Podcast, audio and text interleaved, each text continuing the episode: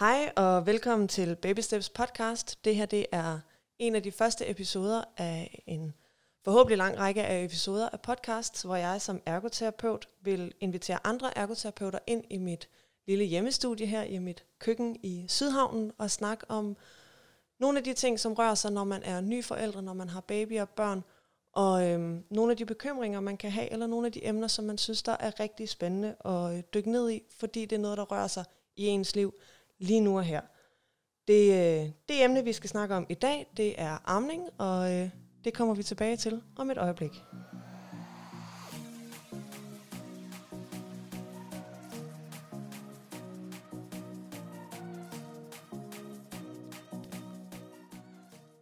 Godt. Som jeg sagde øh, lige før min vældig fine jingle, som I måske kender fra min YouTube-kanal, hvor jeg er YouTuber om babysvømning, så skal emnet i dag være amning, og øh, til det så har jeg fået øh, min kære konkollega fra øh, Hillerød med. Hun hedder Majbrit Lykkegaard og er også ergoterapeut, og så har du Amme Ergo, som er et ammevejledningsrådgivningsvirksomhed. Ja, det er det. øhm, det er rigtigt. Jeg, øh, jeg har det selskab, der hedder Amme Ergo, og en del af det, jeg tilbyder, er ammevejledninger. Mm. Så, øh, så altså, det er jo kun en, en lille bitte del af det, ikke også? Øhm, så resten af det, jeg tilbyder, er stimulastik, som du også gør. Ja. Og så tilbyder jeg øh, vejledninger i spisning af børn, der har spiseproblemer. Ikke? Jo, så det er de lidt større børn, tænker jeg. Det er de lidt større børn, ja. Men det kan også være sådan noget som overgang til fast føde, ikke? Okay. Øhm, så øh, overgang til fast føde, øh, børn, der har spiseproblemer, øh, motoriske udredninger, sansemotoriske screeninger, øh, bearbejdning af, af sensoriske indtryk i det hele taget, er sådan noget, som, som mange forældre er blevet optaget af Ja. de seneste år. Ikke? Jo. Så, øh, så jeg udarbejder også øh, sensoriske profiler på dem, der har behov for det. Det lyder virkelig spændende. Du er uddannet øh, fra Metropol, Professionshøjskolen. Ja, det kom det lige præcis til at hedde det sidste øh, halve år, jeg var der. Stærkt. Og efter, øh, efter du var færdiguddannet i 2009, hvad var du så ude at lave? Jamen, øh, altså, jeg, øh, jeg søgte nogle forskellige børnestillinger og var så heldig at, at få en børnestilling som, som mit første job. Og det var en, øh, en stilling, der var øh, på to forskellige skoler. En, øh, en specialskole og en øh, almindelig folkeskole, som havde en specialafdeling også. Okay. Øhm, og der var jeg så i åh, et halvt års tid, tror jeg. Og så øh, var jeg på et, øh, et kursus øh, i neurologi, hvor jeg mødte nogen ude fra børneterapien i Gentofte, som sagde, hey, skal du ikke ud til os? Vi mangler en vikar. og så tænkte jeg, uh, det ville godt nok være vildt at, at opsige en fast stilling for at komme ud i børneterapien som vikar. Men problemet var, at jeg som nyuddannet ikke følte mig øh, altså, super godt rustet til alle de opgaver, der i virkeligheden var ude på de her skoler, og jeg stod alene med det. Ja. Øhm, så jeg savnede noget kollegial sparring, og sådan savnede at dygtiggøre mig i virkeligheden, ikke? Jo, jo, Øh, klart. Klinisk, så. Så jeg takkede faktisk ja til en øh, tre måneders ansættelse i børneterapien, som heldigvis blev til en fast ansættelse. Fedt. Og hvor længe var du så cirka der? Mm. Der har jeg været indtil... Øh, jeg fik noget overlov, så jeg været der i fem år, tror jeg. Okay. Men jeg havde lige noget overlov, hvor jeg tog til, til Jylland, faktisk. Dejligt Og- sted. Ja, der skal jeg boede i, i Vejle, øh, og området omkring Vejle, øh, og arbejdede i Vejle Kommune. Øh, og det var der, at jeg fik min første øh, ammevejledningserfaring. Okay. Vejle er, øh, er sådan en, hvad hedder det, sådan en, øh, en kommune, der kan få lov til at gøre, hvad de vil, ikke? De ligger ned det til vandet, de har måske de lidt, øh, de lidt større huse, som folk de bor i. Ja, men altså, der er jo nogle kommuner, som er frikommuner, ikke? hvor at de kan få lov til at prøve nogle ting af. Okay. Øh, og Vejle Kommune havde på det tidspunkt lige øh, lavet børneområdet om, sådan, så alle kom til at sidde, altså alle, der arbejdede med, med børneområdet, kom til at sidde under samme tag. Og så hed det Tværfaglige Center for Børn og Unge. Okay. Og øh, så øh, sad vi to ergoterapeuter og to fysioterapeuter, og så havde vi samarbejde med alle mulige forskellige fagpersoner, altså psykologer, talhørekonsulenter, øh, sprogpædagoger, øh, musikpædagoger, øh, eller musikterapeut var hun vist, den ene. Øh, og øh, jamen, alle mulige forskellige. Øh, og det var fantastisk at kunne spare med hinanden der. Ja. Øh, fandt virkelig ud af, hvor meget vi kunne bruge hinanden til, og hvor meget vi lappede ind over hinanden. Øhm, og der indledte vi så et samarbejde med sundhedsplejerskerne i kommunen om at lave sådan et øh, forebyggende besøg hos alle børn, der var født før uge 32. Ja. Øhm, så der kom en ergoterapeut eller en fysioterapeut med ud øh, sammen med sundhedsplejersken og lavede en, en uh, screening i Okay. Ikke? Jo. Øhm, for lige at se, om man kunne fange et eller andet, øh, som sundhedsplejersken måske ikke så ved første øjekast. Øhm. Og i den forbindelse, der, øhm, der begyndte jeg så småt at lave ammevejledninger. ja. Uden i virkeligheden at have altså, den helt store viden om det jo, ikke? Jo, jo, øh, men, men hvad tænker du så som ergoterapeut, at du havde og, altså, at, at, at begrunde det med, kan man sige? Altså det var jo øh, især min øh, viden om, om mundmotorisk formåen, ikke? Um, så, så hele, hele det her med, hvad, hvordan brystet og munden passer sammen, og øh, ergonomien i forhold til stillingerne, og hvad skal der til for, at barnet kan åbne højt op, og øh, hvordan øh, bevæger barnets tunge sig for at kunne, øh, for at kunne få mælken ud i virkeligheden, ikke? Mm. Øhm, alle sådan nogle ting. Så, så det var det, jeg, jeg hægtede op på. Plus viden om sansebearbejdning, som jeg egentlig troede var sådan en, en ting, som, som de fleste ammevejledere vidste. Øhm, og det fandt jeg ud af, at det var det ikke. Der var Nej. faktisk ikke rigtig nogen, der havde hørt om det. Og hvad tænker du i forhold til sansebearbejdning og, og amning? Altså, hvorfor er det så, så vigtigt at kigge på sansebearbejdningen, når man snakker amning? Altså det, jeg synes, jeg oplever, og nogle af de kunder, jeg får i, i hænderne, det er der, hvor at, øh, andre ligesom har kastet håndklædet i ringen, eller de ikke har kunne få amning op at køre på, på almindelig vis, ikke? Ved, med den ammevejledning, man typisk får igennem sundhedsplejen, eller, eller inde på hospitalet. Og øh, nogle gange, så oplever jeg, at de børn, der afviser brystet, at der er det ikke altid, at det handler om, at der er et eller andet i bevægeapparatet, der ikke øh, er, som det skal være, eller at barnet har svamp, eller i munden, eller et eller andet andet, at det er der, hvor de orienterer sig ud mod verden, alle sådan nogle ting. De der ting, som man normalvis går efter. Mm. Øhm, og så er der Stramme nogen... tungebånd. Og, Ja, alle de der ting, ikke? Øhm, der afviser de jo ikke rigtig brystet, synes jeg, hvis de har stramt tungebånd i virkeligheden. Nej, Øh, okay. Oftest. Øhm, så har de bare problemer med at få ordentligt fat og bliver frygtelig frustreret. Mm. Okay. Øhm, men nogle af dem oplever jeg har problemer med deres sansebearbejdning.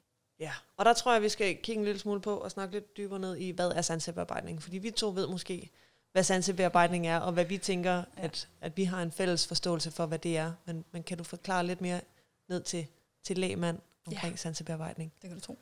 Det er sådan, at øh, alle mennesker de har øh, forskellige måder at opfatte verden på. Og øh, i den her forbindelse, der taler man om alle de sansestimuli, som vi bliver udsat for hver dag, hele dagen. Og sansestimuli, det kan være sådan noget som overfladisk berøring. Ja. Øh, det kan være, når man mærker vinden i sit ansigt, for eksempel. Ikke? Mm. Eller man kan mærke, om tøjet sidder drejet på sin krop, eller om man har en sten i skoen. Så det er det, vi kalder det taktile stimuli. Det er taktil stimuli, ja. Okay, så det er alt, hvad der handler om berøring af hud. Ja. Okay. Og det er de overfladiske berøringer. Hvis man begynder at, at røre dybere på huden, kan man sige, og give et fast klem eller et eller andet, så kommer man ind og får fat i det, der hedder den proprioceptive sans, altså mus- muskler- ledsans. Ja. Og det er receptorer, som sidder inde i musklerne og inde i ledene, som siger noget om, i hvilken øh, stilling vores lemmer befinder sig i i virkeligheden. Så er der øh, den vestibulære sans, som er vores balancesans. Øh, den siger noget om øh, også stilling i virkeligheden, ikke også? Men øh, for eksempel hvis et barn har køresyge, Mm. så er det typisk, fordi de ikke har fået stimuleret den vestibulære sans i alle tre planer. Ja. Forstået på den måde, at der er, der er både, man kan dreje rundt, og man kan øh, køre frem og tilbage, og man kan hoppe ned eller op. Ja. Det er tre forskellige stimuli af den vestibulære sans. Så nogle af de børn, der har køresyge, fordi de ikke har fået stimuleret den ene del af den vestibulære sans tilstrækkeligt, for eksempel, ikke? så har de ikke fået den integreret, og ikke fået formået at kunne skrue passende op eller ned for, for den stimuli. Okay, og det er alt sammen op i hjernen, at der bliver bearbejdet nogle indtryk her. Ja. Så hvis man har en baby, som måske øh, unlatcher under måltidet, så tænker du, at det kan have noget med det at gøre? Det kan det. Det kan også have noget at gøre med nogle af alle de andre sanser, ikke også, som vi har. Der er jo rigtig mange forskellige sanser. Man faktisk gået lidt væk fra at, at kalde det den enkelte sans, men mere gået over til at kalde det, at man har receptorer i hele kroppen, som bare er specialister inden for forskellige områder. Så de samarbejder hele tiden. Man kan ikke ligesom hele tiden, ja. udskille en sans fra den anden Det er der i hvert fald nogen, der, der begyndte at, og tænke. at pege på. Ja. Okay. Så, men det, der er helt humlen, det er, at man konstant, øh, så de her receptorer rundt omkring i vores krop, de, de registrerer jo en masse øh, sensoriske informationer, og det skal det jo, for mm. at man ligesom har en øh, chance for at kunne finde ud af, hvad der, hvad der sker i verden. Ikke? Jo. Øhm, men det, som hjernen så skal gøre, det er, at den skal sortere i de her sansindtryk. Og øh, hos det helt lille barn, det helt lille spædbarn, så, så vil det være naturligt, at, øh, at de har det, der hedder en, en lav neurologisk tærskelværdi for stimuli. Det vil sige, at der skal ikke så meget stimuli til, eller det skal ikke være til stede i ret lang tid, før at de oplever det som potentielt farligt, Okay. øh, og for at de måske begynder at komme i alarmberedskab. Og det er hensigtsmæssigt, fordi at, øh, at vores sansesystem er jo virkelig lavet sådan, så det kan beskytte os imod fare. Og så længe man ikke har en erfaring, der fortæller en, om noget er farligt eller ufarligt, så er det hensigtsmæssigt at reagere på det, som om det er farligt. Men det er det, det lille barn skal finde ud af ja. og få erfaring omkring. Der er altså bare nogen, som er udstyret med et lidt højere alarmberedskab fra starten af. Eller hvis de for eksempel er født præmatur, har været indlagt på en neonatalafdeling, hvor der er rigtig mange lyde, alarmer, der går hele tiden, og øh, man er ikke, altså de præmature har heller ikke nået at få dannet tilstrækkelig myelin i hjernen, det vil sige de fedtskeder, der omkranser vores nervefibre, har de ikke øh, lige så meget af som et barn, der er født til termin. Okay. Så det vil sige, at de har ikke de samme forudsætninger for at sende relevante signaler rundt i hjernen, som et barn, der er født til termin har. Kan man træne det? Det kan man godt, ja. Okay. Men det, der er vigtigt, når man skal gå ind og arbejde med det her, det er, at man finder ud af, hvor barnets nærmeste udviklingszone er. Det vil sige, hvor er det, at barnet øh, kan tage de her stimuli ind, uden at blive bange, Mm. men samtidig synes, at det er spændende og nyt og okay. interessant. Ja. Øh, så man skal, man skal jo, øh, altså vi har jo desværre ikke nogen undersøgelsesredskaber, der kan undersøge det helt lille spædbarns evne til at bearbejde sensoriske informationer inde i munden Nej. endnu. Jeg Endnu. håber på, at det kommer. Men vi har nogen, der kan, der kan sige noget om, hvordan, øh, hvordan barnet registrerer sensoriske informationer, hvordan det, det skruer op og ned for de her forskellige stimuli i resten af kroppen. Okay. Og sådan et undersøgelsesredskab kan man sagtens bruge til at spore sig ind på, om der kan være noget. En anden ting, som er jo er den, jeg bruger allermest, det er jo den, den, de kliniske briller, ikke? Jo. Hvor jeg ser på barnet, ser hvordan, øh, hvordan flakker øjnene, hvordan bevæger armene sig, hvordan, hvordan bevæger benene sig, hvordan er vejrtrækningen, alle sådan nogle ting. Øhm, hvordan er det, når det diger hos mor? Mm. Øhm, der bliver, der er sådan, altså, hvis man for eksempel går til en sundhedsplejerske eller en jordmor, så er de jo også uddannet i, altså en, som er IBCLC-uddannet i hvert fald, øhm, er også uddannet i at kunne for eksempel lytte på et barn, når det diger, og finde ud af, jamen, øh, er der, øh, er der sådan, øh, mm, hvordan skal man forklare det, er der rytme i det, Ja. sådan, så det giver mening, eller sutter barnet rigtig, rigtig mange gange, før det synker, for Okay. eksempel. Sådan nogle ting. Det siger noget om, hvor meget... Øh, er frekvensen af gange, som for eksempel tungen arbejder på at lave en udmalkning. Ja. Hvor meget mælk får de så ud, inden de, inden de synker. inden ja. de synker. Hvor meget skal de arbejde på det i virkeligheden, ikke? Jo. Og jo Og mere er de der- skal arbejde, jo, jo hårdere er det vel også. Lige præcis, ja. fra. Og nogen udtrættes jo så før de er færdige, ikke? Okay. Og det er jo der, hvor man så kan, måske i, i virkeligheden, hvor et stramt tungebånd bliver interessant, ikke? Som jo er en, en, en ting, der også er meget op i tiden. Det må Øh. man sige ja til. Nu siger du øh, ordet IBCLC. Ja. Var det rigtige rækkefølge af bogstaverne? Mm. Stærkt. Hvad er det? Ja. Uh, IBCLC, det er sådan et, uh, en international klassifikation af armekonsulenter. Okay. Og det er du? Det er jeg snart. Ja. Jeg, har taget, øh, jeg har taget hele uddannelsen, øh, lige afsluttet modul 4, øhm, og mangler så bare den afsluttende eksamen i virkeligheden, som ligger i september. Okay. Så det vil sige, at folk, som har den her IBCLC-uddannelse, de er certificerede armevejledere. Ja. Dem kan man vide med sikkerhed, at de har skulle styre på deres shit. Ja, det må man kraftigt gå ud fra. Okay, så hvis man skal ud og finde en armevejleder, så er det sådan en, man skal gå ud og finde en, der har den uddannelse, og ikke bare en, der siger, at de er armevejledere. Ja, det synes jeg helt sikkert. For alle kan jo i virkeligheden kalde sig armevejledere. Det er ikke en beskyttet titel. Det er ikke en beskyttet titel. Okay. Og, og øh, altså, frivillige armevejledere er der jo også masser af rundt omkring, øh, og også nogle rigtig gode nogen, vil jeg, vil jeg mene. Øhm, så, men hvis man, vil, altså hvis man skal udbetale penge for det, øhm, og vil være helt sikker på, at man får øh, professionel og faglig vejledning, Ja. så skal man gå efter en, der har IBCLC, efter min mening. Okay. Det er jo en, en vigtig detalje derude. Der er, som du selv siger, der er jo rigtig mange derude, og det kan være rigtig svært. Og øh, det er en jungle nogle gange. Altså det kan jeg da ja. huske fra min egen, at jeg har jo også siddet og søgt nettet tyndt efter information om, hvordan og hvorledes man skal gribe det hele an, og gør jeg det nu rigtigt, og øh, ja, og hvordan Søren, jeg havde en baby, som i ja, tre måneder eller sådan noget, nægtede at lade mig sidde ned og amme Ja. Medmindre det var om natten, fordi at... Jeg ved det ikke. Men i hvert fald hver gang, at jeg sat, forsøgte at sætte mig ned, så begyndte han at græde. Ja. Det blev øh, til en meget lang bustur med Flixbus, eller Combardo-bussen fra øh, København til Odden. Både for mig og for babyen, og for resten af bussen. Ja. Men, øh, men kunne du tænke, at det måske har været noget sensorisk, og ikke nødvendigvis en låsning eller et eller andet? For vi var til kiropraktor med ham, ja. uden at hun fandt det helt store. Altså det, vil, det er jeg jo ikke i stand til at sige ud fra en ganske kort beskrivelse. Øhm, så jeg kan ikke udelukke, at det har været noget sensorisk. Det kan jeg ikke, men det kan være rigtig mange forskellige ting. Okay. Og det er også derfor, at man skal holde tungen lige i munden, og være rigtig god altså, som ammevejleder til at spørge ind til problematikkerne. Mm. Altså øh, få, få optaget en rigtig god ammeanamnese.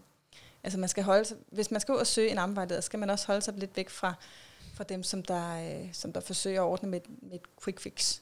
Ja. Øhm, For der er ikke nogen, nogen quick fixes, når det kommer til amning. Øh, jo, det kan da godt være, hvis det er nogle, hvis det er nogle små opstået, øh, hvad hedder det, små problematikker, som ikke er vokset så store endnu. Mm. Så er der nogle ting, der er, der ofte virker. Ikke? Sådan noget som, øh, prøv en anden stilling. Prøv en anden, anden armestilling, eller sådan noget. Øh, det, det kan ofte tage nogle af tingene. Okay. Og det er også noget, du vejleder i, også online, kunne jeg forstå. Ja. Især i de her dage. Ja, det gør jeg. Det gør Håndsprit. jeg. øhm, omkring, hvordan man ligesom kan finde nogle gode stillinger. Måske også nogle, nogle lidt, lidt alternative og anderledes stillinger, end dem vi sådan selv tænker, Ja, jeg har set på film. Ja, de fleste de indtager den her øh, klassiske armestilling, hvor barnet ligger hen øh, til den ene bryst, og benene er hen sådan langs øh, morens øh, mave ud til siden. Øhm, og øh, det er den, man ser i bybilledet typisk. Øhm, der er mange, der synes, den er rar og, og sådan, ikke? Øhm, men det er en god idé at kende forskellige armestillinger. Øhm, og der er jo, det er jo faktisk kun fantasien, der sender grænser i virkeligheden, ikke? Barnet kan amme på hovedet, altså det kan ligge hen over skulderen, det kan være, det kan være sådan hele uret rundt her, ikke? det kan sidde ved siden af, mens mor ligger ned, det kan sidde på skødet, øh, øh, mor kan sidde ved et bord og lade brystet læne ind over bordpladen og lade barnet ligge på bordet. Altså der, er- der, der er ikke nogen, øh, der er ikke nogen grænser for, hvordan et barn kan, kan dige. Og det var et shout-out til dem, som har problemer med at få barnet maveliggende. Så øh, kan man lige smide babsen op på bordet, og så have baby liggende på maven foran, og så se, om de vil løfte hovedet en lille smule der.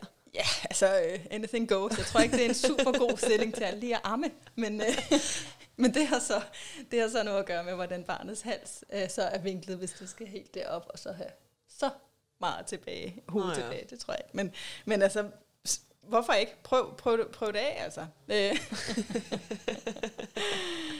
Nej, men jeg tænker, at, at øhm, også i forhold til det her med stillinger, så som, som ergoterapeut, der er vi også uddannet til at lave aktivitetsanalyser, ikke? Jo. Og aktivitetsanalyse handler jo i virkeligheden om at altså, få spurgt rigtig godt ind og få lavet nogle observationer og få lavet nogle funktionelle analyser. Ja. Det lyder meget tørt og kedeligt alt sammen, og det er det faktisk slet ikke. Jeg tror også, vi skal have uddybet her, hvad vi mener, når vi siger akt- aktivitet, fordi Ja. ja. det er jo et, et begreb, som, som virkelig skal defineres. Ja, det skal det. Især måske, når det er sådan en lidt fagnørdet, men når ergoterapeuter og fyser arbejder sammen, så har vi to meget forskellige holdninger til, hvad en aktivitet er. Hvilket indimellem har skabt nogle, i hvert fald for de studerende, øh, kan jeg huske, øh, da jeg var i praktik, mm. at der var lidt et clash mellem, hvad vi, hvad vi mente var en aktivitet. Ja. Så når du siger aktivitet, Ja. hvad, hvad ligger der så i det? Altså for mig som ergoterapeut, så det Mm. jeg er uddannet i, og den måde jeg forstår begrebet aktivitet, det er, at det skal være meningsfyldt. Mm. En aktivitet er et eller andet, man gør i løbet af en dag, og det kan enten være noget, som, som man skal, fordi det forventes af en, Mm. øh, noget man bør, fordi at det er øh, praktisk øh, for at få resten af ens hverdag til at fungere.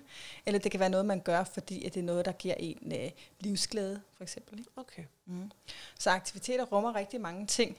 For det helt lille barn, så er en meningsfuld aktivitet at øh, blive berørt, for eksempel, ja. og søge øjenkontakt. Mm. Sådan nogle ting er meningsfulde aktiviteter for et barn. Er det også en meningsfuld aktivitet at amme? Ja, det er det. Det er jo øh, at få næring, og uden næring, så går den ikke. så det er en meningsfuld aktivitet, ja. Men det er vel også ikke kun en meningsfuld aktivitet. Det er jo, altså, det er jo ikke kun for at få næring, at det lille barn ammer, Nej. tænker jeg. Så det giver vel også noget, noget livsværdi for, for babyen. Ja, okay. det gør det da helt sikkert. Der er jo, øh, der er jo også en masse tryghed forbundet med, med amning, ikke? Jo. Øhm, og der er det hele det sundhedsmæssige aspekt. Altså, der er jo øh, fantastisk mange undersøgelser, der understreger, hvor, hvor vigtig amning er for vores livslange sundhed, faktisk. Altså, et barn, der bliver ammet i, fuldt i seks måneder, er meget bedre stilling et, end et, der ikke bliver ammet, eller et, der har fået modermælksersætning fra starten af. Okay. Øhm, så, så hvis man kigger sådan, øh, altså sådan lidt mere fugleperspektiv på det i hele verden, altså, så kan man faktisk spare utrolig mange milliarder, hvis man sørger for, at folk kommer til at amme længere. Nu siger du til 6 måneder. Er det så fuld amning til 6 måneder, du tænker? Ja. Okay. Det er det, man anbefaler. Ja. Man anbefaler fu- fuld amning til 6 måneder. Øhm, og så øh, i Danmark anbefaler man amning i et år eller mere, og WHO anbefaler amning i to år eller mere. Så er der lavet forskellige antropologiske studier også, som, som peger retning af, at amning op til en, øh, mellem 2,5 og 4-5 år faktisk øh, er rigtig godt givet ud. Mm. Ja. Ja. Så længe har jeg ikke ammet. Min Nej. han er halvandet. Ja. Jeg tror, vi stoppede, da han var et år og et par måneder. Ja. Så, øh, så kunne vores, så kunne det ikke hænge sammen. Det kunne det sikkert godt, hvis, vi havde, hvis jeg virkelig havde vildt det. Men, men jeg tror, jeg var klar til at sige Ja. tak for kaffe. Ja. Mest fordi han også helst bare kun ville amme om natten, og, og gerne fra klokken 12 til klokken 4, non-stop. Ja. Der tror jeg måske, jeg synes, jeg trængte til at sove i stedet for. Ja, det er en, jeg ofte hører også, den der med natamningen. Det er jo benhårdt, altså. Ja. Ja. Nu sover han igennem, så, så på det punkt tror jeg, det gav os, det gav os noget kvalitet i, i hverdagen, frem for at vi havde den, eller han havde den om natten. Så Ja. kan vi lave noget sammen med, i stedet for, at det er ham, der Ja. ligger og hygger. Ja. Men altså dem, der kan være i det, der synes jeg jo, det er super fedt, hvis man kan amme i to år eller mere, uden at få øh, bidt brysterne af, eller noget som helst. Ja. ja. Og det kan man godt, hvis man, øh, hvis man er motiveret for det, og hvis man synes, det giver mening for sig selv, og hvis det giver mening for barnet, øh, og man får den rette vejledning. Mm. Og man skal jo kun opsøge vejledning, hvis det, hvis det giver mening for en selv at ville amme i så lang tid. Altså, man skal jo heller ikke kun amme, fordi at alle andre synes, man skal gøre det. Man skal, man skal kunne træffe et informeret valg, og med det mener jeg, at, at det er altid op til den enkelte at træffe beslutninger om, om de vil amme deres barn eller ej. Mm. Øhm, der kan ligge rigtig mange årsager øh, til grund for, at folk vælger amning fra.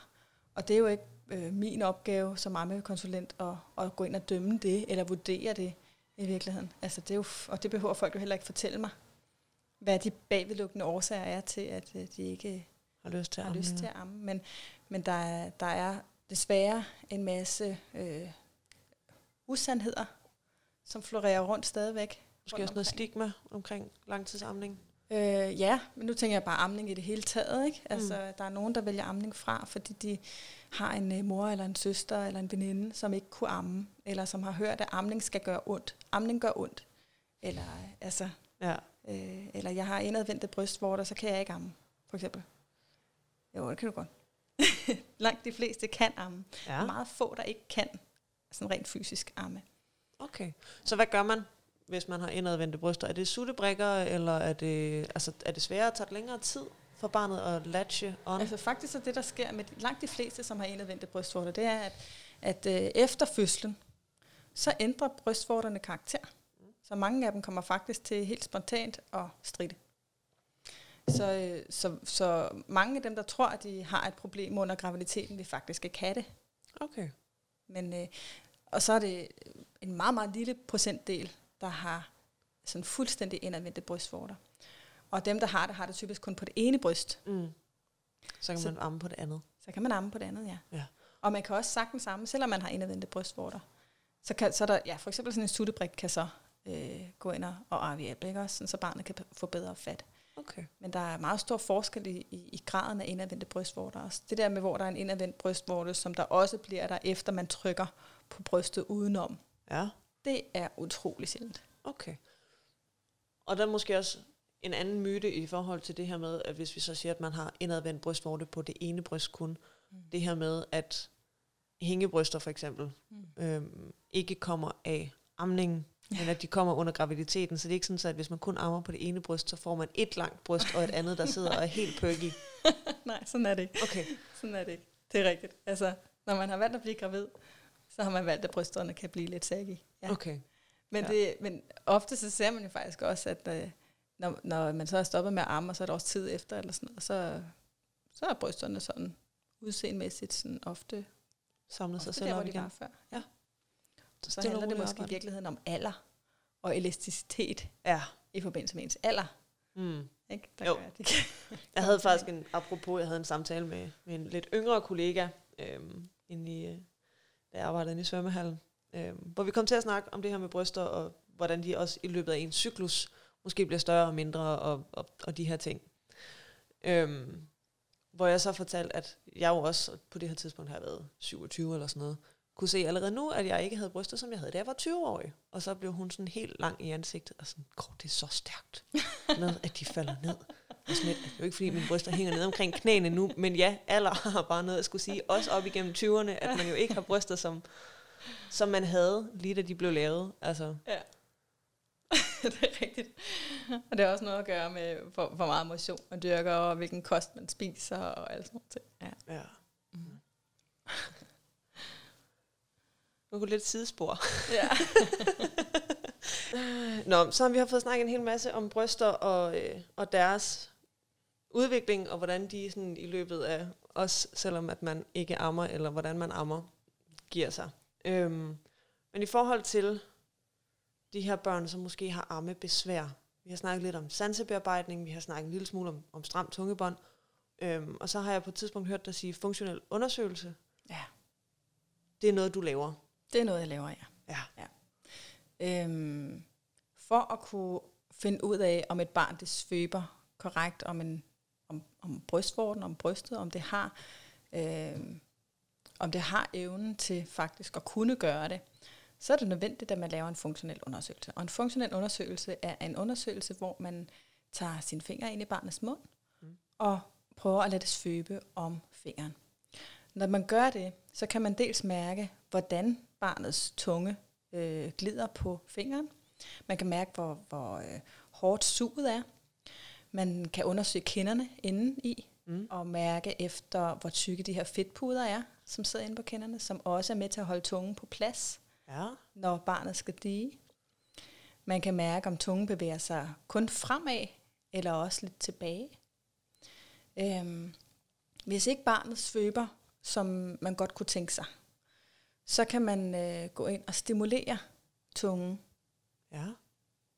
inde i munden Ja. på barnet, for at, øh, at faktisk øh, få det til at lave nogle bevægelser, som er mere hensigtsmæssige.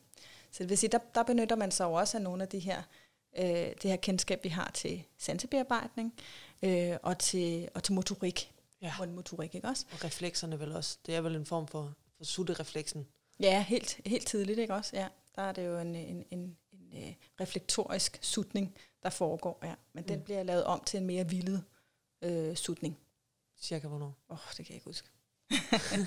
det kan jeg ikke huske præcis. Øhm. Om det er før barnet er to. Okay, ja. ja, det er det.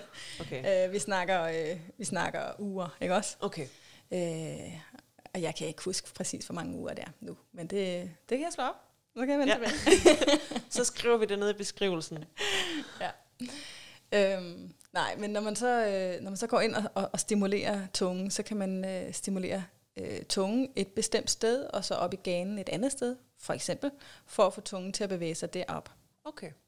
Så det man laver, det er, at man laver en, øh, sådan en feedback-mekanisme i virkeligheden, en feed-forward-mekanisme. Ikke?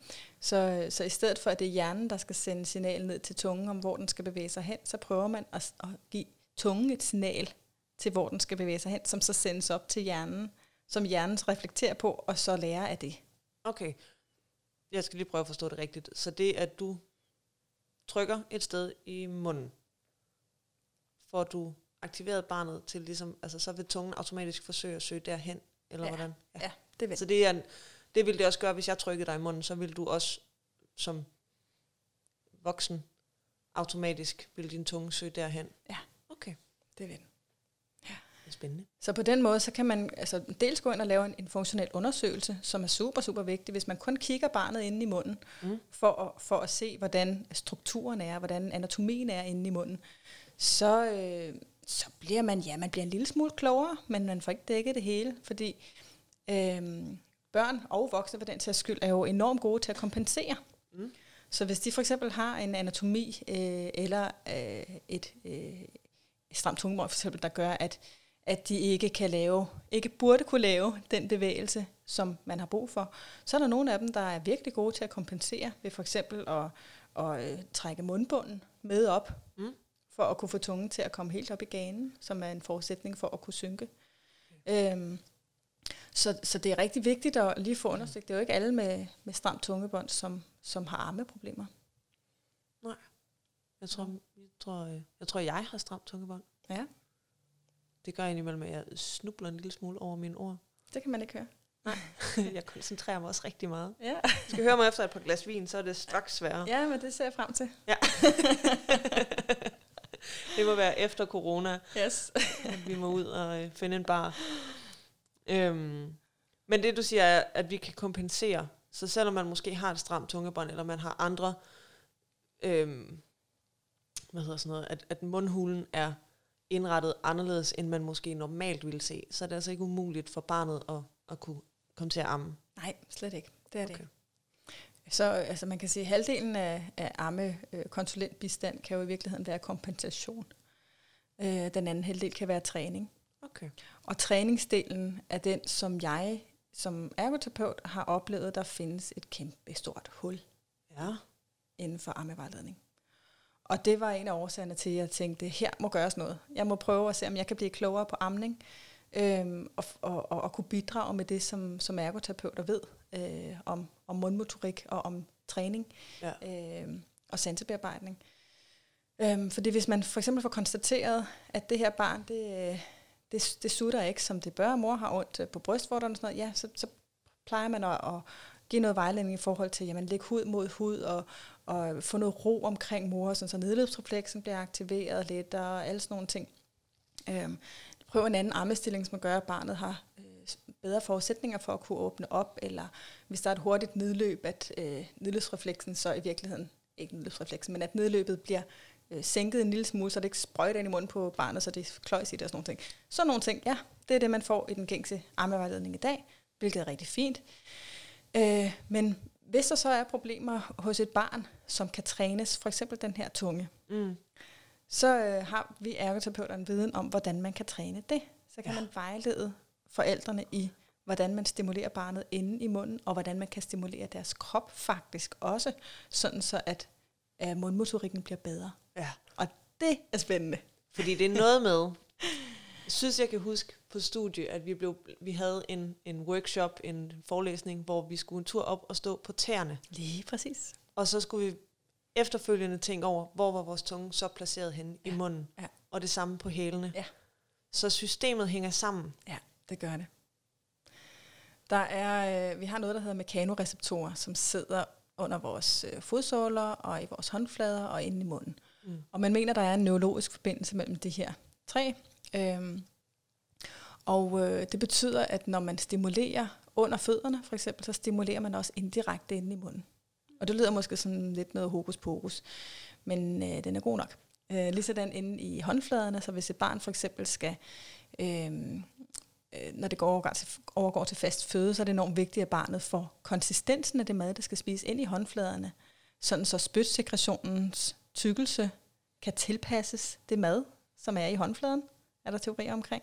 Så barnets måltid, barnets indtagelse af maden starter i hænderne Det starter i hænderne. og ikke i munden. Det starter alle mulige andre steder. Det starter faktisk ved, ved at kunne dufte og kunne se maden.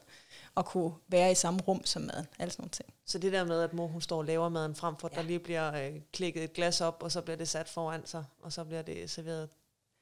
Barnet skal i hvert fald have øh, mulighed for lige at kunne undersøge det her først. Så det er en rigtig god idé lige at, at dufte til maden sammen med barnet. Snakke om maden, snakke om konsistensen. Lige lade barnet få det ind i håndfladen. Øh, og, og få lov til at sidde og lege lidt med det først, inden det kommer i munden. Ja. Og det er rigtig godt, hvis barnet kan få lov til selv at komme det i munden.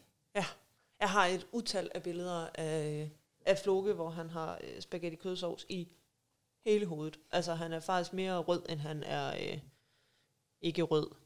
Så meget spaghetti kødsovs havde han fået smurt ud i, Ja. øh, i hele skærmen. Ja. Men det kræver også, at man, man har tiden og, og overskud til det. Nu var han den første, så det var jo rimelig nemt at finde den tid og den overskud. Jeg tænker, når nummer to en dag kommer, så bliver det måske sværere at have tid til på den måde at sætte sig ned og, og have det.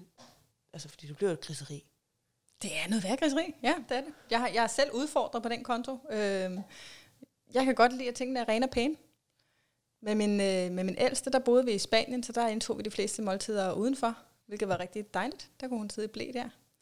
Øhm, med nummer to her, øh, der, øh, der bor vi ikke i Spanien. øhm, men øh, jeg vil sige, at min tærskel er blevet flyttet lidt, ikke? Så, øh, så, og, og så bliver man jo nødt til at have øjnene på en anden også samtidig, så, det, så, jamen altså, så, så giver det lidt sig selv, ja, så kan han komme hen og blive skyllet bagefter. Altså, Ja. det er fint nok. Der er jo så også noget sansning der i forhold til at skabe en putterutine omkring at få et aftenbad, kan man jo så sige. Så. Ja, altså spiser han på mange forskellige tidspunkter i løbet af dagen jo. Så, men øh, Jo jo, det var altså, øh, det bedste er jo faktisk for barnet, hvis de kan få lov at sidde i, i øh, kun i blæ, ikke? Jo. Det, det gør min derhjemme ikke. Altid. Det gør han ikke. Det kræver også, at man har en rumtemperatur, der ligesom kan ja, efterkomme det gør det. Han sidder med et, øh, et, et forklæde på, Okay. Og det, øh, det er fint. Han får lov til at snaske med det i hænderne og i ansigtet og Ja. på fødderne faktisk, for han har altid bare fødder. Er din også sådan en, der smider fødderne op på bordet, mens Nej. I spiser? Nej, det gør han ikke. Det er kun herhjemme, Mm. at det sker. han sidder i sådan en vældig fin position med begge fødder op på hver side af tallerkenen, og så sidder han og læner sig indover, og så sidder han og indtager sin mad. Ja, det, det lyder rart. Øhm, har du kigget på, hvordan han, hans understøttelsesflade er under fødderne på stolen? Altså, den kunne nok godt være bedre. Øh, det er de stole, vi sidder på her. Der sidder Ja. han på den ene af de her skamler, og så sidder han ude for øh, fodenden af bordet. Ja. Dem, der lytter i podcasten, kan ikke høre det, så jeg skal nok prøve at beskrive det. Vi sidder på nogle forholdsvis høje skamler øh, fra IKEA, og ude for enden af bordet, der er der sådan lige en, øh, en liste, som han så kan have tæerne på. Ja. Øhm, og, og der sidder han Ja. og spiser, Ja. fordi vi har vi bor på meget lidt plads, så vi har forsøgt at indrette os sådan, så at alle møbler har multifunktioner, øhm, Ja. ja. herunder vores spisebord, som også skal være tilberedning. Øhm, og hans højstol var simpelthen ikke høj nok til, at han kunne nå op til bordkanten, når han sad på den. Så han har fået en af skamlerne. Mm. Men det er selvfølgelig rigtigt nok, at når han sidder der, selvom han har tæerne understøttet, eller forfoden understøttet, så er det selvfølgelig ikke det samme som at have en flad fod på en fast underflade. Der har du selv svaret jo. Ja. Ja. Det er fantastisk, så man kan få lov til at reflektere. Så han er jo, han er jo kvik, Loke der, ikke? Han, øh, han finder ud af, at det her, det, det, det virker ikke for mig at have de der fødder svævende dernede. Så, så lægger han fødderne op på bordet i stedet for. Så sidder han sådan her og spiser. Ja, Ja. Ja. det er da smart. Det er mega smart. Det ser, øh, vi er en lille smule nervøs for, at han indimellem tilter bagover eller noget, men det er ikke sket Ja. endnu. Så, øh, Men altså, de er jo de er dødhammerne smarte, de der unger der, og, og, og man kan komme rigtig langt på at se, hvad et, et, et digende barn selv gør. mm. Der er jo mange, der, der, der oplever, at deres børn, de, øh, de prøver at hive fat i et eller andet, ikke? De prøver at hive fat i noget, og, og nogen har så sådan en instin- instinktiv øh, øh, tilgang til det, at de, så tager de barnet i hånden. Og det, der sker, når man tager barnet i hånden, det er jo faktisk også, at øh, de her mekanoreceptorer bliver aktiveret, ikke? Og de distale reflekser også bliver aktiveret. Ja. Så det vil sige, når, når barnet klemmer om mors finger, så løfter tungen sig automatisk Ja. i ganen. Og det sker også med, med fødderne, så hvis, hvis barnet ligger og sparker med benene, det ser man også ofte, at de ligger og sparker, hvis de så har noget at sparke fra på, en pude eller et eller andet, eller mors arm eller sådan noget, så er det også med til at hjælpe den her tunge til at løfte sig op i, i overmunden, eller op i, i ganen. Ikke? Jo. Så, så øh, for eksempel min egen dreng, han har stramt tungebånd. Øhm, og en af, af måderne, jeg kunne amme ham på, det var, var ved at sørge for at give ham en rigtig god understøttelsesflade under fødderne. Og så kunne jeg jo lægge mærke til, jamen er det så hælene, han prøver på at sparke i, eller er det forfoden, han prøver på at sparke i? Mm. For det siger noget om, øhm, hvilken del af tungen, der er svær at få op i ganen. Okay. Så hvis det er forfoden, han prøver på, så er det øh, det forreste af tungen, han gerne vil have op i ganen. Hvis det er hælen, så er det det bagerste af tungen, han gerne vil have op i ganen. Smart. Det er simpelthen så smart. Og hvad gør man så for at træne det? Jamen altså, en af tingene, det er jo faktisk at lade barnet selv gøre det. Ikke? Også det vil sige, sørg for, at barnet har den her understøttelsesflade under fødderne, Okay. når det ammer. Ja. Ikke? En anden ting er at lave noget øh, kropsstimulation og noget mundstimulation, hvis det er nødvendigt. Okay. Så vi ser måske også, at nogle af de her børn, i forhold til deres kropsstimulation og sådan nogle ting, at når de ammer, og grunden til, at de, altså det her med at gå ind og massere dem, og lave nogle af de her proprioceptive tryk, nogle dybe. Tryk på deres krop, kan være med til at sådan grounde dem, og, Ja. og få dem til at finde ind, og finde en ro måske. Ja, altså øh, det her med proprioception, øh, altså det er ledsansen, som bliver, bliver stimuleret ved, ved dybe tryk, for eksempel et kram, ikke? eller Mm. mm. blive svøbt, eller blive båret i en vikle, eller sådan noget den stil. Øh, det, øh, det kan jo gå ind og, og virke dæmpende på de andre sanser i virkeligheden. Så hvis, hvis man har et barn, der, der er blevet overstimuleret, så kan det være en rigtig god idé at prøve på at give dem nogle faste tryk. Okay. Det er ikke sådan, at det virker for alle, men det virker for rigtig mange. Mm. Det er også derfor, man, altså det er jo måske noget af det, det her med at finde roen, og, og komme ind i de dybe, dybe ro, hvad hedder det, grounding. Mm. Øhm, også for babyerne. Nu siger jeg ikke, at vi skal gå ud og købe kugledyner til babyerne, men det er Nej. vel også det, man arbejder med, når man for eksempel har en ADHD-diagnose, eller et eller andet, hvor man, ja. hvor man har svært ved at finde ro, at man så får en kugledyne på. Ja, eller folk, der har stress på den til skyld. Hvis de fleste voksne har jo oplevet stresssymptomer. Hvis de prøver at få lagt en, øh, en tyngdepude over skuldrene, så vil de fleste opleve en ro i kroppen. Mm. Eller bare et tungt tæppe på, på benene eller et eller andet. Det giver ro. Okay. Så det er ikke noget, man behøver at have en diagnose for, for at, at have, have godt af. Øhm, altså, rigtig mange af de ting, som vi bruger inden for øh, special øh, området, ikke? Øhm, altså børn med særlige behov, eller voksne med særlige behov, det er, jo, øh, det er jo viden, som man kan overføre til alle mennesker. Mm. Så der, hvor det går hen og bliver et problem, det er, fordi der er for meget af det. Så vi har jo alle sammen en, en tærskel, hvor vi på et tidspunkt kapper over, men der, hvor, det, hvor man går hen og snakker om, at det er et problem, det er, når det forhindrer en i at gøre de aktiviteter, som man gerne vil i løbet af en dag. Lige præcis. Okay. Lige præcis. Ja. Nu kom vi lidt væk fra babyerne og amning, men, men i og med, at altså, det er jo en aktivitet, det er jo den vigtigste aktivitet for babyerne, kan man vel godt tillade sig at sige, amning. Den mest betydningsfulde, meningsfulde aktivitet. Det er i hvert fald en af dem. Sansebearbejdning og, og kropskontakt, Mm. berøring, vil jeg Ja. sige, er, er nogle af de vigtigste. Ikke? For at skabe Ja. bedst mulig øh, mulighed for deres udvikling. Mm. Ja. Så sutterefleksen, den finder vi lige ud af, hvornår det var, at den ligesom stopper. Men der er jo rigtig mange børn, der har et stort suttebehov.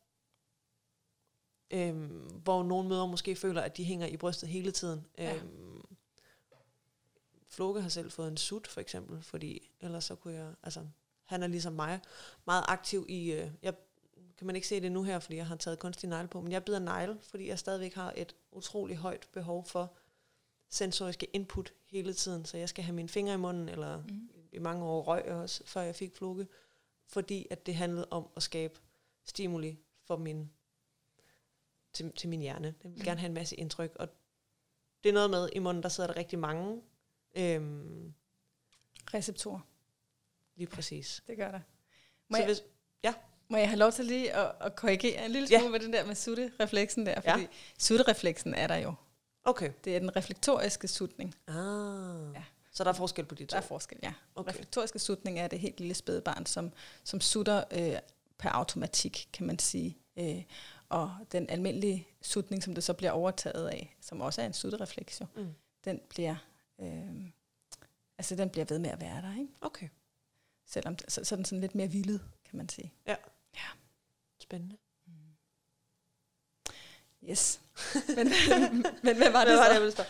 Det, jeg ville spørge om, det var i forhold til de her børn, som har et stort behov for at sutte hele tiden, hvor man måske, selvfølgelig handler det måske om, at de er sultne, og at de gerne vil have i brystet, men der er rigtig mange, der giver dem en, en sut, altså en narsut i stedet ja. for. Ja. Hvad tænker vi i forhold til det? At, Jeg kan godt forstå det. Altså, øh, der, der er mange, der, der bliver utrolig frustreret over, at barnet skal hænge i brysterne hele tiden. Øh, og man vil gerne have lidt ro til sig selv, og, øh, og øh, har brug for måske bare lige et par timer, hvor man kan gå fra og øh, tage et bad, eller gå en tur for sig selv, eller et eller andet. Ikke? Og det skal der jo også, øh, det er rigtig godt givet ud og, og give plads til det, hvis man på nogen som helst måde kan. mm. Så øh, altså som ergoterapeut, så er jeg, jeg er ikke, som ergoterapeut og som ammevejleder, så er jeg ikke, jeg er ikke imod narsutter. Det er jeg ikke. Jeg synes, det er fint at bruge dem til trøst. Okay. Hvis barnet er rigtig ked af det, og der er andre end mor, der skal kunne trøste. Jeg synes, det er fint nok. Men man skal passe på med at bruge den per automatik. Mm. Barnet skal kun have den, når, den er, når de er rigtig ked af det. Okay, så den skal ikke være i munden på barnet hele tiden? Den skal for ikke være i munden på ligesom- barnet hele tiden, og de skal, man skal ikke øh, bruge den som erstatning, øh, hvis barnet har et suttebehov. Der er jo noget, der hedder øh, nutritive sucking, som er der, hvor barnet får føde, altså som at det sutter for at få føde. Ikke? Jo. Og så er der det, der hedder non-nutritive sucking, som er der, hvor barnet sutter for at få dækket andre behov. Okay, og det kan for eksempel være ligesom mig, der er, det er ikke fordi jeg render rundt og ammer eller sutter på en sut, men har et stort behov for at få stimuleret mit sanseorgan, at barnet måske også har et behov for at få stimuleret, eller er det fordi, de finder ro omkring det? Det er fordi, de finder ro omkring det. Og Okay. okay. fordi, at der er noget ved duften ved mor. Der er noget ved, øh, ved, ved hyggen ved at ligge tæt, øh, som, er, som er rar. Ikke? Mm. Øh, Det er vel også her, man snakker om, at barnet lever i morens øh, nervesystem. Så jeg tror, det var en jordmor, der sagde det på et tidspunkt, at, at barnet ligesom i lang tid ikke kan kende forskel på sig selv og på mor, at de ligesom ser som en enhed, mm. og at barnet ligesom hele tiden går ind og aflæser morens nervesystem, så de hele tiden går ind og føler, hvad, hvad moren føler, og aflæser, hvad hedder det, hjerterytme og puls og ja, Og varme. det, det, det, det er klogt sagt den jordmor. øhm, det, det er jo fuldstændig rigtigt. Altså, øh, det, er jo sådan, det er jo en måde at prøve på at, at kunne, kunne forstå, hvorfor det er, at børnene de reagerer så meget på deres mor. mm, øh, kan man sige, og, og beskrive det på den måde. Ikke? Men det er rigtigt, man kan jo, øh, man kan jo mærke, at, øh, at barnets hjerterytme stabiliserer sig, når barnet kommer op hud mod hud lige efter fødslen. For eksempel mærker mors hjerterytme. Øh, blodsukkeret bliver stabiliseret, når de ligger hud mod hud. Mm. Før i tiden, så gav man dem øh, gav meget gerne lidt, øh, lidt modermælkserstatning øh, til at starte med, hvis deres blodsukkerniveau var, var for lavt. Nu øh, forsøger man mange steder at lægge dem hud mod hud i stedet for, mm. og det virker. Sejt. Øh, ja, det er ret sejt. Øh, Og er det kun mor hud mod hud? Nej, det er også far. Det er også far. Det er også far, ja. Okay. Så hele det her hud mod hud er bare, det er rigtig, rigtig godt til rigtig, rigtig mange ting. Og gerne så meget som overhovedet muligt, så Mm. lang tid som overhovedet muligt. Ja. ja. Spændende. Mm. Altså, vi Det- brugte rigtig meget vikle hjemme ved os. Og, ja. Ja. og bæresel. Ja. Fordi han, han ville være på mig ja. Ja. hele tiden. Så ja. Ja. der sad han dag ud og dag ind. Og det Ja. var faktisk rigtig hyggeligt. Ja. ham lige der, hvor man sådan lige kunne Ja, men det er klappe ham lidt på numsen. Og når man bruger en vigtig, så er det jo også øh, meget lettere at se øh, barnets behov, så snart at, øh, at de er der. Øh, de her bitte små signaler, som barnet sender, når det er klar til at sutte. mm. Det, det, de første er jo i virkeligheden bare sådan noget, hvor barnet begynder at, at bevæge en lille smule på sig, eller begynder at slikke lidt på læberne. Og det ser man ikke, hvis barnet har en sut i munden. Nej. Man ser det ikke, hvis barnet ligger for sig selv i en vugge eller et eller andet. Så, så reagerer man jo faktisk først, når barnet begynder at sige lyde. Og når barnet er begyndt at sige lyde, Så er det fordi, de er røvsultne. så er de oppe i det gule felt, okay. Vil jeg sige. Ja. Og hvis de begynder at græde, så er de oppe i det røde felt. Okay. Jeg fik at vide øhm, af min sundhedsplejerske, at nu var han fem uger præmatur, så det var ikke, fordi han var sådan rigtig meget for tidligt født, men han var sådan alligevel en lille smule, lige på grænsen. Dagen før, så havde de forsøgt at stoppe fødslen, sagde de. Så der sker meget på en dag. Øhm, men hun sagde, at grunden til, at han græd hele tiden øhm, i en, en lang periode, var fordi, at hans tarmsystem ikke var færdigudviklet, og fordi han ikke fik ro til at bearbejde det mælk, han fik ned. Så derfor ville hun gerne have, at jeg strakte amningerne en lille smule, sådan så at han, fordi at hver gang, at jeg forsøgte at, hver gang jeg ammede, fordi det fik ham til at falde til ro, så gik jeg egentlig bare ind og forværrede problemet i den anden ende. Mm. Er det en myte, eller er det... Man skal jo se på, hvorfor det er, at hun har valgt at give sådan en vejledning, og øh, i nogle tilfælde giver det mening. Øhm, I det tilfælde, hvor at moren for eksempel har et meget kraftigt nedløb, øh, og at, øh, at barnet får rigtig meget mad i maven på én gang, øh, så, øh, så kan det måske give ret god mening. Øh, hvis barnet får rigtig meget luft i maven, for eksempel, når de, når de diger, Mm. øh, og prøve på at følge med i det her hurtige nedløb. Det er bare et eksempel, ikke også? Det kan jo. være. Øhm, så, øhm, så gør det måske ondt i, i maven. Der er også nogen, der måske får en lille smule reflux af det. Øh, de fleste børn har jo en, en, en, en form for reflux, kan man sige. Altså de, de gylper i hvert fald, ikke? Mm. Øh, og det er helt normalt. Men øhm, det kan godt gå hen og blive sådan en, en, en, en sygelig reflux, ikke? Jo. Øhm, refluxsygdom kalder man det. Og det er jo langt fra alle, der har det, heldigvis. Men, men øh, nogle af de børn, som der har reflux, de søger jo brystet ekstra meget for at prøve på at finde ro, og Mm. faktisk også bruge det som at dæmpe den her, eller dulme den der svine fornemmelse, som der sidder i, i svælget og i brystet på dem. Øh, fordi at mavesyren den ligesom kommer op og, og generer lidt, ikke? Så, så er det rart at få noget mere mælk ned. Mm. Og det bider sig selv i hanen. Okay. Så derfor så kan det være en rigtig god idé at måske strække armningerne en lille smule.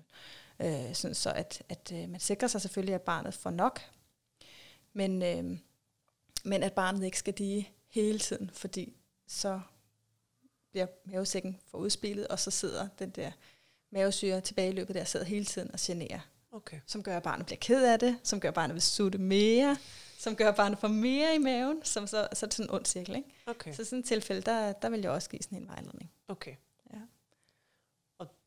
Er det så en, har man procentvis, at man kan sige, det er cirka så mange børn, der reelt set har den her reflux, hvor det er en sygdom Altså og ikke... refluxsygdom. Ja. Det er der sikkert, men jeg har ikke tallene. Nej, okay.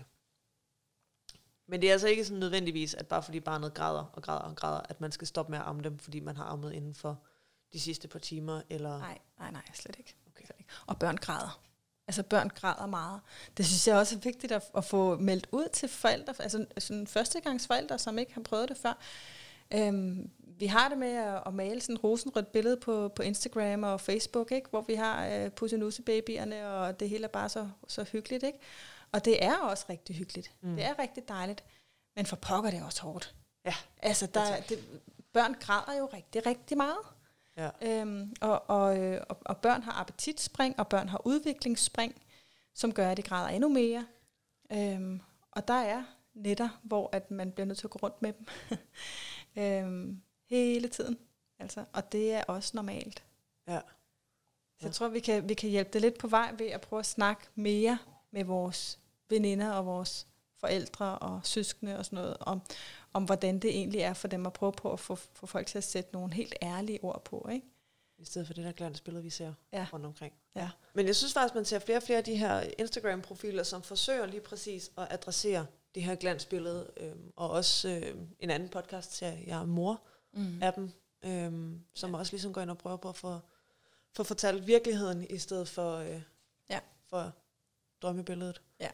Det er jo godt, tænker jeg. Ja. Det skal gøres med respekt selvfølgelig over for, for, for ens øh, barn Ja. også. Ikke? Man skal også huske på, at de her øh, podcasts og, øh, og, og videoer og hvad man ellers har, øh, blogs og sådan noget der, det er også tilgængeligt, når barnet bliver voksen, eller barnet bliver teenager, Ja. og måske i virkeligheden kan føle sig lidt forkert, eller, eller, sådan, eller være meget modtagelig over for kritik i virkeligheden. Ikke? Så hvis Mm. man bliver hvis man bliver bekendt med, at ens mor har haft det rigtig svært og har haft lyst til at kaste en ud af vinduet, så kan det jo godt sætte nogle psykiske spor. Så jeg synes, man skal, man skal lige opveje, hvordan man lægger det frem. Ja. Ikke?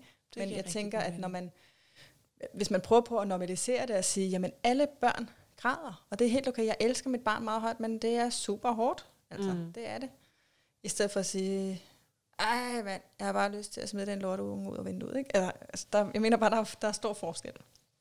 Jo, jo, men man kan jo også tænke på, hvordan har vi det selv som, som voksne ja. Individer. Hvis der var nogen, der lavede en podcast om os, Ja. og sagde, "Åh, for helvede hende der Helene, altså, øh. Ja. Indimellem, hun er skidesød, men, men nogle gange, så har jeg også bare lyst til at give hende et los i røven. Altså, så tror Ja. jeg da også, jeg vil tage det, tage det til mig, og ikke synes, det var vildt fedt. Og jeg er trods alt et voksent menneske, som. Ja.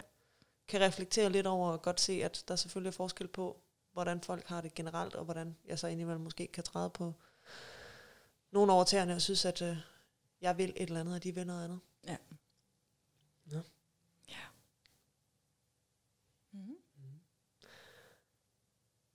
Jeg tror, at vi er nået rundt om øh, det meste. Vi har i hvert fald snakket i øh, noget, der ligner en time, om Ja. øh, ikke kun amning, også alt muligt andet. Øhm, men som jo alting, ligesom sandsynsystemet, så er det jo ikke kun én ting. Altså det hænger alt sammen sammen i et større hele. Det handler jo også om, om familielivet, øhm, og om hvordan det ligesom passer ind i, Ja. i familien og skulle amme. Altså nu nævnte ja. du det lidt tidligere med de her øh, bekendte, der måske har haft et hårdt amme, øh, ammeforløb, eller, eller den der svigermor. Det er altid svigermor, der, øh, der, der er skurken, som, som synes, at nu er det også på tide, at, at vi skal stoppe med at forkæle børnene, fordi at de skal ikke hænge i brysterne hele tiden, eller et eller andet. Altså, hvordan, hvordan har du nogle gode redskaber til, hvordan man håndterer de der udefra kommende kommentarer til ens amning? Ja, altså øh, jeg tænker, at det er en rigtig god idé at snakke, øh, snakke amning igennem, også med sin partner, mens man er gravid. Mm. Øh, sådan, så man finder ud af, jamen, øh, hvordan har vi det egentlig begge to i, i forhold til det her med amning, og hvad, hvad er dit ammemål? Altså kan man, det kan man godt snakke om som far eller medmor også, ikke? Mm. Altså at, øh, at man har et ønske om, at barnet skal, skal blive ammet så også så længe. Øhm, og øh, så kan jeg anbefale, at, at man så øh, går på noget ammeforberedelse sammen. Ja. Og det er altså i graviditeten, og det er, det er noget, som de fleste sådan, øh, negligerer lidt, fordi det, at den her fødsel fylder bare så meget. Og rigtig mange er bange for fødslen, øh, og nervøse for, hvad der skal, skal ske. Så det, så det bliver, det bliver sådan smidt lidt i baggrunden. Ikke? Jo. Og amning, jamen, det er sådan noget, det finder jeg ud af undervejs. Det, det finder vi bare ud af. Ja. Øhm, og det gør man jo også i rigtig mange tilfælde. Men det kan være rigtig godt givet ud og, øh, og forberede sig selv og sin partner på det her med amning. Der er Ja. lavet nogle studier, der viser, at hvis øh, partneren medinddrages i amningen, så er der 60 procent, der, der fuldammer længere. Okay. Og det er jo ret interessant, Ja. fordi det siger noget om, at svigermor betyder i virkeligheden ikke så meget, hvis man har en støttende partner. Mm. Så hvis man kan få sin partner med på banen, og, og, og give vedkommende nogle, nogle, øh, altså, øh, øh, nogle idéer til, hvad, hvad, hvad de kan bidrage med. Ikke? Jo. Øhm, og det behøver ikke kun at være at hente et glas vand. Altså, det kan være alt muligt. Det kan være sådan, at, at øh, partneren måske kan være den, der, der lige undersøger, om barnets sutteteknik i virkeligheden ser god nok ud. Øh, det kan være svært som, som ammende selv at se, øh, om, om barnets underlæbe svøber, Mm. øh, som, som det bør omkring brystvorten og sådan noget. Hvis mor siger, at det gør ondt, så gør det ondt, og så er der noget galt, og så skal man selvfølgelig gøre noget ved det. Men der kan partneren være en rigtig god hjælp til at, at ligesom få lejret barnet ordentligt, for eksempel. Ikke? Jo. Øhm, se det udefra. Øh, kan være den, der måske bøvser barnet hver gang. Øhm, Så er man jo også med. Altså, så, Ja. så får far også en rolle. ja, lige præcis. Altså, det er jo vigtigt også. Hjemme hos os, der blev fars rolle skift. Øhm, Ja. I starten, der tror jeg, han var sådan lidt, "Øh, hvorfor skal jeg have lorteblærende? Men, Ja. men han, det var jo noget, de så havde sammen. Ja. Altså, så blev det deres rutine. Også om natten. Altså, det, jeg mm. var oppe flere gange om natten for at amme, men han overtog ligesom Ja. efterfølgende, så var han lige oppe og skifte, give en ny blæ og kysse og kramme. Det betød også, at faren han fik det første ægte smil fra barnet midt mm. om natten der, Ja. øhm, hvor jeg var, var gået om kul igen. ja. Øhm, Men det er rigtigt, altså fædre, fædre har jo en øh, kæmpe, kæmpe, kæmpe rolle i det her med, om amningen kommer til at fungere i virkeligheden også. Ikke? mm. Øhm, så, øh, så gå på noget ammeforberedelse. Øhm, jeg tilbyder noget. jeg har øh, nogle, øh, både noget øh, interagerende ammeforberedelse, altså hvor at, øh, det er live øh, online, eller hvor jeg er til stede, ikke? hvor Jo. man kan stille spørgsmål og få præsenteret en masse øh, tips og Ja. tricks, øh, og, og bliver forberedt på, hvad man, kan blive, hvad man kan forvente i virkeligheden, og hvad gør man, hvis noget er svært. Mm. Sådan helt grundlæggende. Ikke? Øhm, og så har jeg også øh, nogle videoer liggende tilgængelige, som man kan få for, lige nu er det kun 99 kroner. Ja. Øhm, hvor at øh, man så kan se både billeder og videoer af, hvordan ser det ud, når det ikke er rigtigt, Ja. hvordan ser det ud, når det er rigtigt. Hvad skal man lytte efter? Hvad skal man mærke efter? Og hvad kan man gøre? Ikke? Jo. Hvordan kan man forberede sig, og hvordan kan man gøre, hvis noget så bliver svært? Så der er en hel masse virtuelt, som man kan Ja. ja. gå ind og få hjælp til, både med en, ja, hvor I kan snakke sammen om det, hvor man kan få noget Ja. ja. Zoom eller Skype, eller hvad man nu er på. Og så er der også de her videoer. Så det betyder, at man skal gå hvorhen for at finde det? Det gør man inde på ammeergo.dk. Okay, og der kommer også et link i beskrivelsen til det. Hvis nu, at øh, Danmark om lidt forhåbentlig åbner lidt mere op igen, og vi begynder at kunne køre hold, så havde du også stimulastik Ja. og Det har jeg. øh, en-til-en armevejledning. En til en ammevejledning. Jeg har øh, spisevejledning, øh, overgang til fast føde. Jeg underviser i tegn til tale, som er en øh, kommunikationsform til, til spædbørn. Ja. i virkeligheden. Så man kan starte med at, at øh, kommunikere med sit barn og forstå, hvad barnet siger også. Øh, allerede fra de er helt bitte små. Ja. Lang tid før deres talesprog er udviklet. Ikke? Spændende. Øhm, ja, så, øh, så der er kurser, og der er øh, holdtræning, der er individuel vejledning og individuel træning. Mm. Så rigtig meget. Og det er cirka aldersgruppen fra 0 måneder til... Ja, det, er- i virkeligheden er det op til 18 år, men de fleste af dem, jeg har, det er op til skolealderen cirka. Ikke? Okay. Ja. ja. Og hvis man nu gerne vil have det fysisk, så er det fordi, at... øh, Eller ikke fordi, så er du bosat i Hillerød, så hvis du sidder i Aalborg, så er det måske ikke så relevant at finde ind på hjemmesiden for at booke et øh, fysisk hold, men så kan du om ikke andet tage et af de øh, online hold i stedet for. Ja, det er rigtigt. Ja. Eller online vejledning, ikke også? Jo. Øhm, og ja, jeg bor i Hillerød, men jeg kører ud Okay. på Sjælland. På Sjælland. Ja. Stærkt. Jamen, øh, så synes jeg, at vi stille og roligt runder af mm. for nu. Og øh, tak skal du have, Majbrit, for øh, en oplysende samtale I lige måde. Og følg mig gerne på øh, Facebook også. Der Ja. kan man også finde mig inde på, på Arme Ergo. på Arme Ergo. Ja. ja. Og det får I også et link til i beskrivelsen her. Så det var altså en øh, længere podcast til jer her fra, øh, fra os. Jeg håber, at I øh, fik noget ud af det. Det gjorde jeg i hvert fald. Jeg blev meget klogere på nogle af de ting, som jeg oplevede med Floke, da jeg selv ammede. Og øh, jeg håber, at I har lyst til at høre med i de fremtidige podcasts. Øhm, det kommer til at handle om rigtig mange børn og andre problematikker.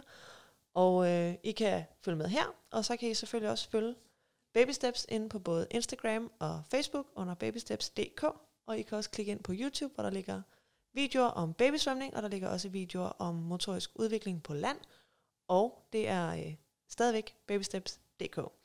Tak for i dag, og øh, så må I have en rigtig god dag.